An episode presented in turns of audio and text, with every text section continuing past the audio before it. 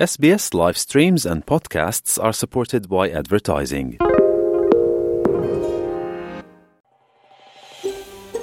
waxaad nagala socotaa s b s soomaali ka raadi sheekooyin dheeraada. S b s com au xariijin soomaali waxaa magaalada baydhabo ee xarunta kumeel gaarka u ah maamulka koonfur galbeed si rasmi uga furmay shirka dib heshiisiinta koonfur galbeed kaasi oo ka dambeeyey kadib khilaaf xoogan oo ka dhashay muddo kordhin la sheegay inuu damacsanaa madaxweynaha koonfur galbeed cabdulcasiis xasan maxamed laftagareen iyadoo khilaafka arrintaasi ka dhalatay ay sababtay in gacan ka hadal dhiig uu ku daatay uu ka dhaco magaalada baydhabo. Shirkan dib heshiisiinta oo uu garwadeen ka yahay gudoomiyaha baarlamaanka federaalk soomaaliya sheekh aadan maxamed nuur sheekh aadan madoobe ayaa waxaa ka qaybgelaya siyaasiyiin iyo waxgarad ka soo jeeda deegaanada koonfur galbeed waxaana furitaankiisii ka qaybgalay wafdi uu hogaaminayo madaxweynaha dowladda federaalk ee soomaaliya oo khudbad dhinacyo badan ka jeediyey furitaanka shirkaasi. Ugu horeyn waxaa halkaasi ka hadlay madaxweynaha maamulka koonfur galbeed cabdilcasiis laftagareen oo soo dhoweyn iyo mahadcelin kadib ka qaybgalayaasha u sheegay in xilligan aan loo baahnayn in koonfur galbeed uu ka dhaco dagaal iyo sidoo kale kala aragti duwanaansho dhanka siyaasadda xilli shan kilomitir ay kaga sugan yihiin magaalada baydhabo sida uu yidhi waxaa la yidhaahaa nin kasta meeshuu u dhumay jid baa jira. Marka ha la wada fadhiisto meeshuu jidka rasmigaa jira ha laga wada hadlo sidii hore loo sheegay. Aniga soddonkii sano oo burburka dowladda uu jiray markay ugu badnayd waxaan tegay nairobi dadka diyaasbaraha amahayn dalkan joogo. Wixii mushkilad dalkan ka dhacday oo la soo maray oo dhan goobjoogaan u ahaa.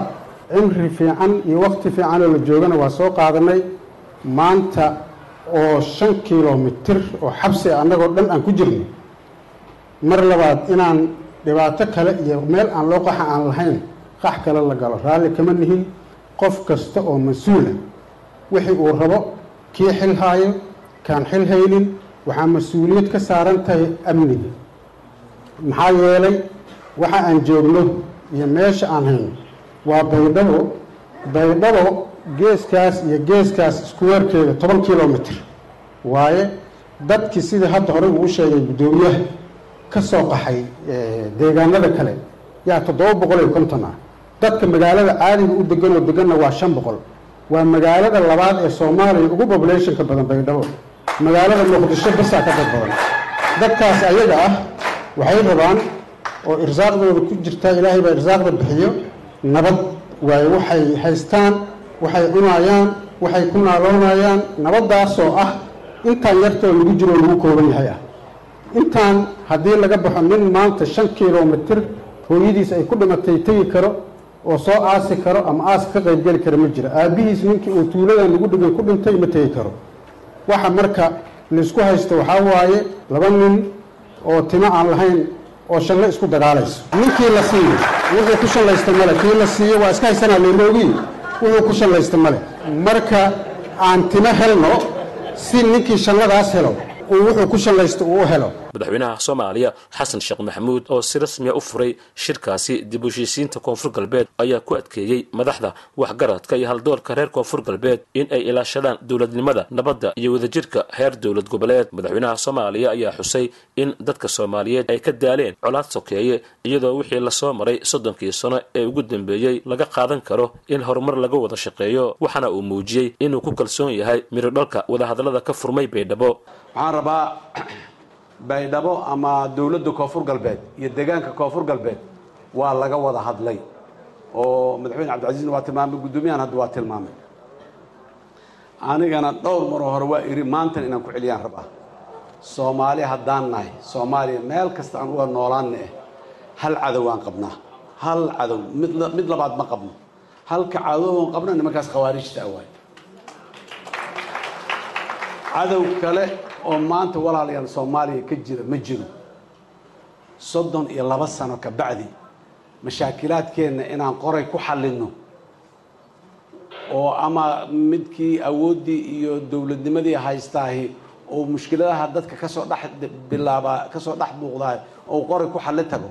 Ama kii kale oo ka soo horjeeda ama rabay inuu asna talada iyo xukunka yimaadaahi ou qori ku raadiyo waa waaye aragnimo nagu filan aan qabnaa meeshay ku dhammaanaysana waa naqana sideedaba waxaan rabaa gogol barako gogol fiican walaala dad walaalaa oo ehela oo maxaan ku raha wax yar ay dhex mareen waaye. Waxaan rabnaa sidaa uu guddoomiyaha u sheegay gogoshaan maanta waa furitaankeedii laga bilaaba berri dhibkii dhacay iyo wixii dadka kala gaaray qalbigooda yaa laga bilaabaa odayaasheenii dhaqanka oo waxaas ku xeel dheeraayo khubarada ahay waa noo joogaan taasaan ka daawoobeynaa taas markaan ka daawowno kabacdi aan leenahay xirig oo oo miisaan culus uu ku xiran yahay aa lugta noogu xiran. Xirigaasaan horta iska furaynaa. Xirigaas maxaa la dhahaa? Shalayaa la dhahaa. Shalay wixii dhacay. Lugtaayna xirigaasaan ka furaynaa si aan si aan u soconno oo aan maxaan ku ihahdaa biri iyo meeshii aan hiigsanayna aan u gaarno. Madaxweynaha soomaaliya ayaa dhanka kale waxa uu sheegay in haddii siyaasiyiinta reer koonfur galbeed ay heshiiyaan ay fududaan doonto xoraynta deegaano badan oo shabaab ay kaga sugan yihiin koonfur galbeed isagoona carabka ku adkeeyey in wejiga labaad ee dagaalka ka dhanka xarakada shabaab iminka uu ka bilaaban doono deegaanada koonfur galbeed waxaa intaas dheer walaalayaal cadow aan leenahay hal waaye shabaab waaye waadna dilowha waa dilowhayna annaga barnaamij dagaalkaas dalka dhan looga xoreynaayo ayaa dowladdu dejisay. Fayskiisii koobaadaa gabagaba soo marowha. Fayskiisii labaadaa la gelaa fayska labaad koonfur galbeedaa ugu soo horeyso geeska gees xuduudda xadka etoobiya ka soo bilaaw maxaan ku idhaha badda indian oceanka ku geey. Koonfur galbeed waaye. Meel kaloo looga gudbi kara male ayadaa muxuu ahay aad gelayso. Markeeda annagana waa garab taagannahay wax kasta oo dowladda ay karto siyaasadda dowladda maanta waxay tahay dalkan in shabaab laga xoreeyo oo dadkan soomaaliya baabuurkii baydhabo xamar ka soo baxa asoo shiish dhaha inuu inta yimaado shabaab ouna jidka u taagnayn.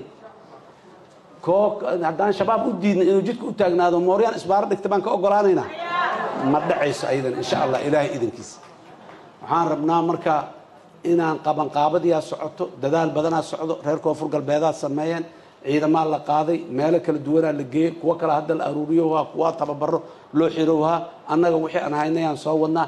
Intii hore oo labada dowlad goboleed hadda oo webiga shabeelle xagga ka xigta markaan gelaynay maanta waa ka khibrad badannahay waayo aragnimo iyo xeeladaha shabaabun aad iyo aad u barannay ayaa maanta aan leenahay maalintaan bilaabayna dagaalkaas dhowr bilood ka hor maanta waa ka ciidan badannahay. Waa ka qalab badannahay. Waa ka niyadsannahay oo maxaanku idhahdaa inaan ka adagnahay shabaab. Waa soo dhadhaminay waana soo taaban. Marka intii ay nagu qaadatay hadda ilaahay idankiis naguma qaadanayso. Muxuu ahay bilaha soo socda iyo iyo isbuucyada soo socda haddii allayira madaxweynaha soomaaliya xasan sheekh maxamuud ayaa ugu dambayntii ugu baaqay mar kale dhallinyarada soomaaliyeed ee ka barbar dagaalanta xarakada shabaab isagoona u jeediyey inay soo laabtaan siduu yidhi oo dowladdu ay cafis u fidinayso islamarkaana ay daryeelayso isagoona soo hadal qaaday howlgalladii ugu dambeeyey ee ciidanka dowladda ay kula wareegeen gacan ku-haynta degmooyin ay ka mid tahay xaridheere oo in ay maamulayeen xarakada shabaab. Waxaan rabaa inaan ku baaqo anoo uga faa'iidaysanayo gogashaa nabadeed inaan nabad ku baaqo dhallinyaradeenna soomaaliyeed ee meeshaas tagtay. Duruuf kasta ha ku tagaan. Mid la khalday mid dhaqaalo xumi u geysay mid caro kaleoo walaalkiis u caraysnaa inta carooday u galay. Duruuf kasta ha tagto. Waxaan leenahay nin allaalaya ninkii ka soo noqdo cafi iyo saamax waaye. Cafi iyo saamax waaye uga simamayna eh waa kaal dowladdu waa kaalmaynay siduu nolol fiican u heli lahay xirfad u bara lahaa oo ku shaqaysto iyo meeshuu ka shaqaysa lahay intaba dowladda diyaaray tahay inay ku garab istaagto ku kaalmayso? Waana diyaar. Waxaan leenahay wiilasheenna ka soo laabta cadowga ka soo laabta habawga ka soo laabta meesha dhibka badanne iyo qaraxa iyo dhibka iyo muxuuha bahdilka iyo tala aadan ku lahayn. Meeqa dhallinyaroo qurqurxoona meeshaan maanta taagan oo u fadhido ama fadhido oo u fadhido talada dadkan inay wax ku yeeshaan ay ra'yigooda ku cabirtaan adigana maxaa duurka iyo geedaha hoostooda la jirtaa? Dadkan saa u dili lahayd bal fikir caqligaaga aada ugu noqdo. Wiilasheenna waxaan leenahay soo noqda nabad ku soo noqda hooyo iyo aabbe iyo adeer iyo maxaanku raha mas'uulkii shalay aad ka tagtay ayaa maantana ku rabo u soo noqo. Dowladaad haysataa ku garab istaagayso nolol fiican iyo mustaqbal fiican oo cibaado adduunyo iyo mid aakhiraba leh kugu saacidayso ayaa diyaar ku ah. Meesha ka soo noqaleen maanta alxamdulilah xardheere iyo aadan yabaal waa xor. Shabaab ma joogo meelo yaroo howd oo gudaha ku jirtay ku soo hareen ayadana waa laysu sii daba socdaa. Ma rabno inuu dhiig soomaaliyeed sii daato sii daato. Laakiin markii aan weynay muxuu ah khiyaar kale iyo wax kale oo noo furan ayaan ku qasboonaanay. Dagaalkaas waa sii socdaa waana soconayaa dhinaca kalena tanaan diyaar ula nahay ninkii tan diido oo waa idin maya aniga waa idin dilaa waana idin qarxina waana idin waxaynaa taagana waxaan leenahay yacan iska leenahay haddii ala yiraha waxaan rabaa waalidiinta iyo walaalaha reer koonfur galbeed wiilashiinii waa taqaaniin waa ka warqabtiin. Wiilasha fariin ha loo faro ha la dhiirigeliyo ha loo sheego inaanan dhib loogu yeerin nololaa loogu yeeraa. Like aas la wadaag wax ka dheh lana soco barta facebooka ee sb s soomaali